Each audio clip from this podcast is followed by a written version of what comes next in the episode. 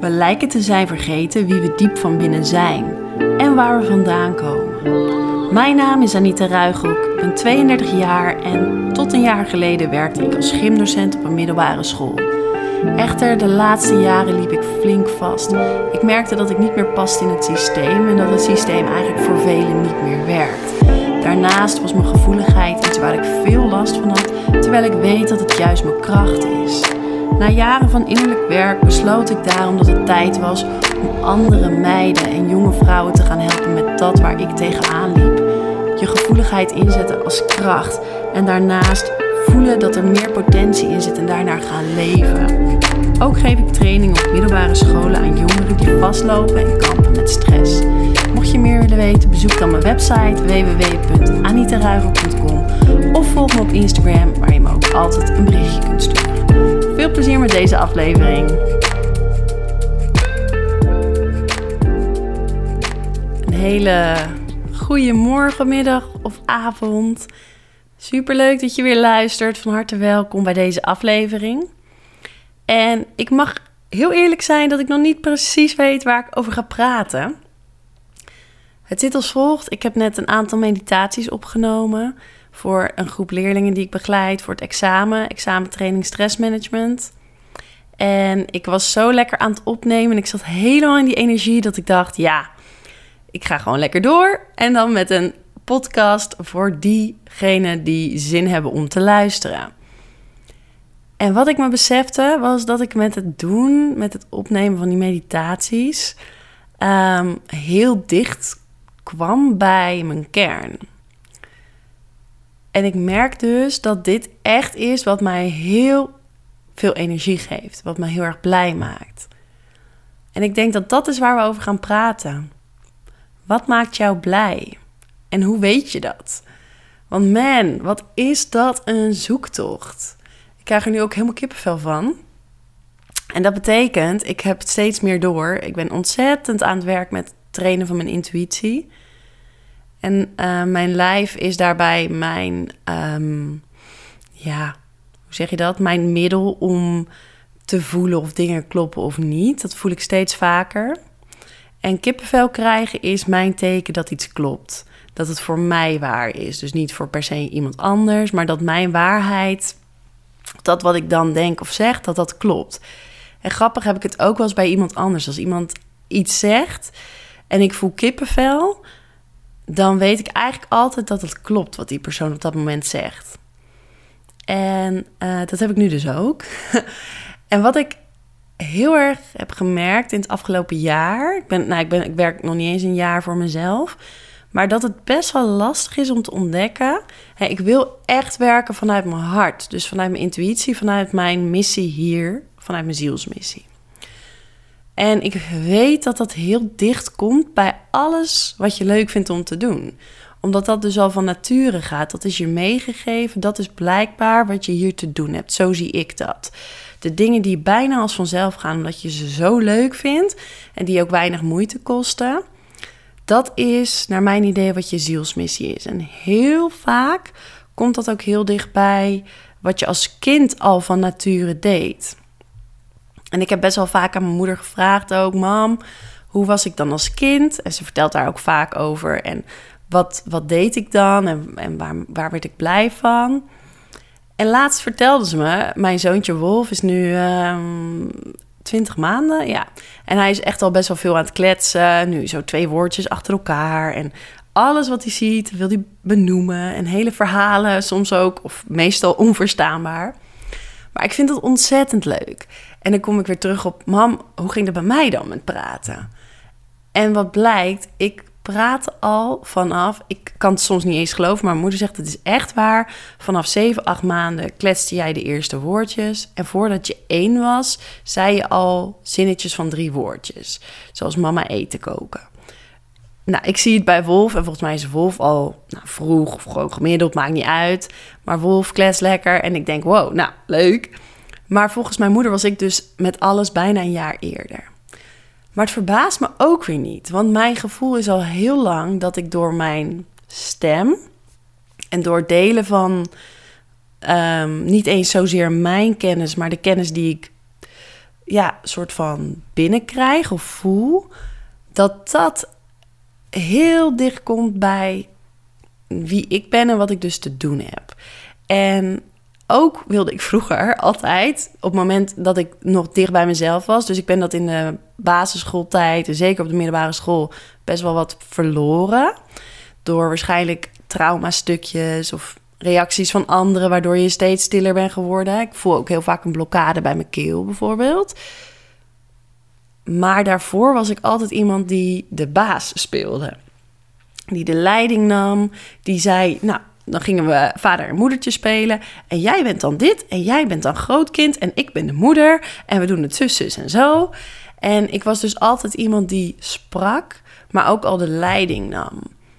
En ik merk nu nog steeds dat ik dat super leuk vind om vanuit, ja, misschien een stuk persoonlijk leiderschap. Ik denk dat dat het is. Om vanuit daar te delen via mijn stemmen, via het woord.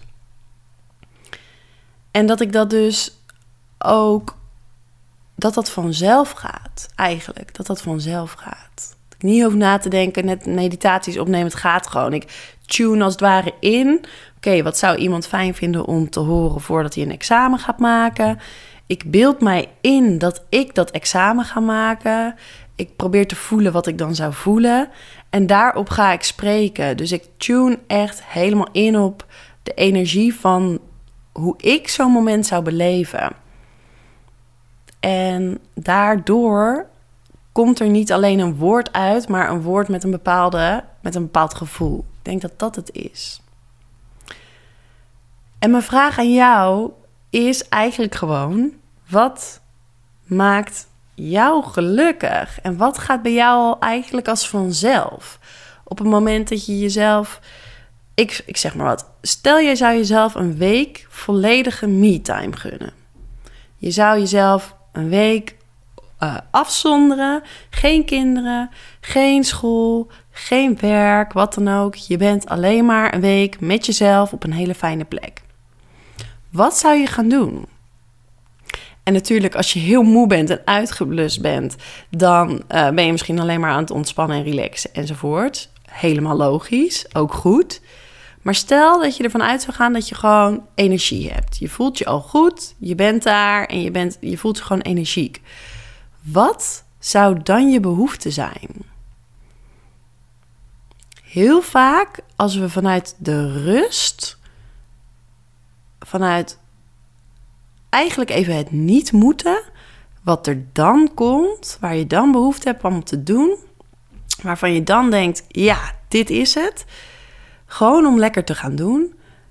Mijn gevoel is dat dat dus eigenlijk is wat je ehm, in een veel grotere, op veel grotere schaal zou mogen doen. Of in ieder geval veel vaker.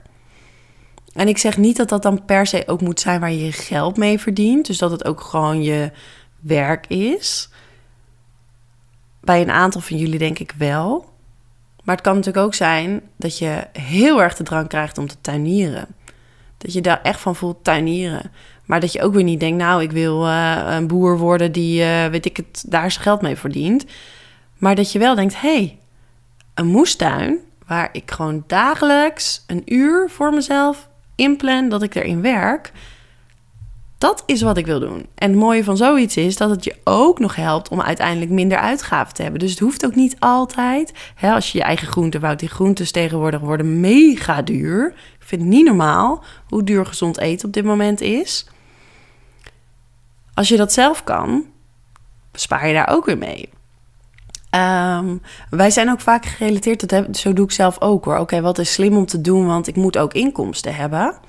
Ja, en ik geloof dat we met dat wat we echt het liefste doen, uiteindelijk ook gewoon genoeg inkomsten kunnen creëren. Daar ben ik eigenlijk van overtuigd. Ik zeg nog eigenlijk, dus niet helemaal. Bijna van overtuigd. Ik ben zelf aan het zoeken hoe ik dat doe. Want ik ben nu natuurlijk verschillende dingen aan het doen in mijn eigen onderneming. Waaronder trainingen aan jongeren. En ik merk ook wat vind ik daarvan nou weer leuk en wat kost me soms toch weer energie. Want het is leuk, maar er zijn ook dingen die me toch weer energie kosten. Maar ik merk, hé, hey, dat opnemen van meditaties voor die jongeren vind ik superleuk. Um, en het meegaan met hun proces. En er zijn ook dingen die me energie kosten, zoals weer op een school in dat die energie meegaan. Ik denk dat dat het is. Ja, en zo ben ik dus elke keer aan het fine-tunen. Oké, maar wat wel en wat niet. En soms moet je ook gewoon dingen doen. Omdat je denkt, oké, hè, uh, ik heb gewoon weer inkomsten nodig. Dus het is, ook, het is ook welk doel dient het. Uiteindelijk wil je, denk ik, een hoger doel dienen. In ieder geval, dat is wat mij onwijs drijft. Dat ik niet mijn ego-doel dien. Want mijn ego die had het prima gevonden als ik nog gymdocentje was op... Uh, gymdocentje klinkt niet. Gymdocent gewoon. Als ik nog gymdocent was uh, op het Fioretti... dat zou mijn ego helemaal prima vinden. Want dat begrijpt iedereen. En dan werk je gewoon hard. En doe je... Hè, dan, ja, gewoon doe je normaal. Doe gewoon mee. Zoals het hoort. En mijn ziel is echt super blij dat het nu de ruimte krijgt... om te ontdekken wat... wat die ziel eigenlijk wil. Wat me, wat me vanuit mijn intuïtie gegeven is om te doen. Maar dat is niet zonder slag of stoot. Dat komt met grote keuzes maken. Ja. Ik geloof ook dat wanneer wij minder gedachten hebben, wanneer we ons ego kunnen loskoppelen van wie we zijn. Dus het gaat niet eens zozeer om minder gedachten, maar niet meer identificeren met de gedachten.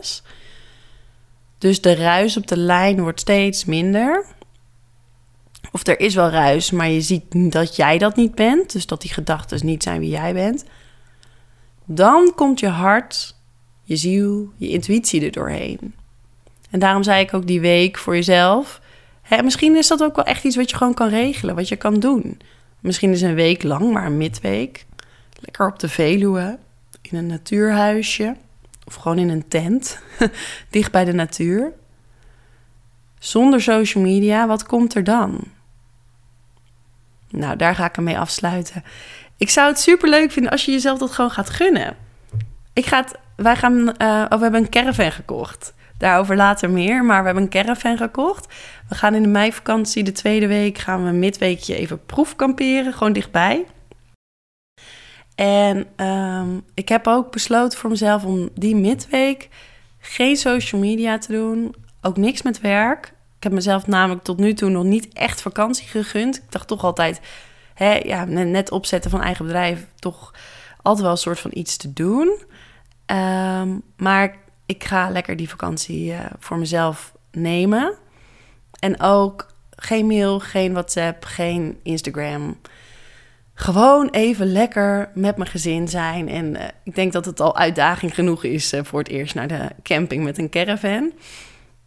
Maar als ik daar helemaal in kan zijn en in kan zakken, zonder al de afleiding, scheelt dat al enorm. Want dan hoef ik gewoon niks anders. Dan ben ik gewoon dat aan het doen en daar ligt mijn focus. En dan kan ik daarin ontspannen. Snap je? Nou, goed. Later meer over de caravan en over het waarom achter de caravan. Maar voor nu wens ik je een hele fijne dag toe. En um, als je nou denkt, ja, ik ga dat doen, een paar dagen of misschien wel een week voor mezelf, kan natuurlijk ook gewoon een stilte-retreat. Um, dat heb ik ook meerdere keren gedaan. Daar heb ik ook podcasts over opgenomen. Die staan hier beneden in het voortraject. Die waren van voor mijn um, burn-out, overspannenheid. Ook dat is een hele fijne manier om even weer terug te komen bij jezelf. Dus nou, ik uh, ga hem nu afronden. Fijne dag en je mag me altijd een berichtje sturen, zou ik heel leuk vinden. En tot de volgende keer.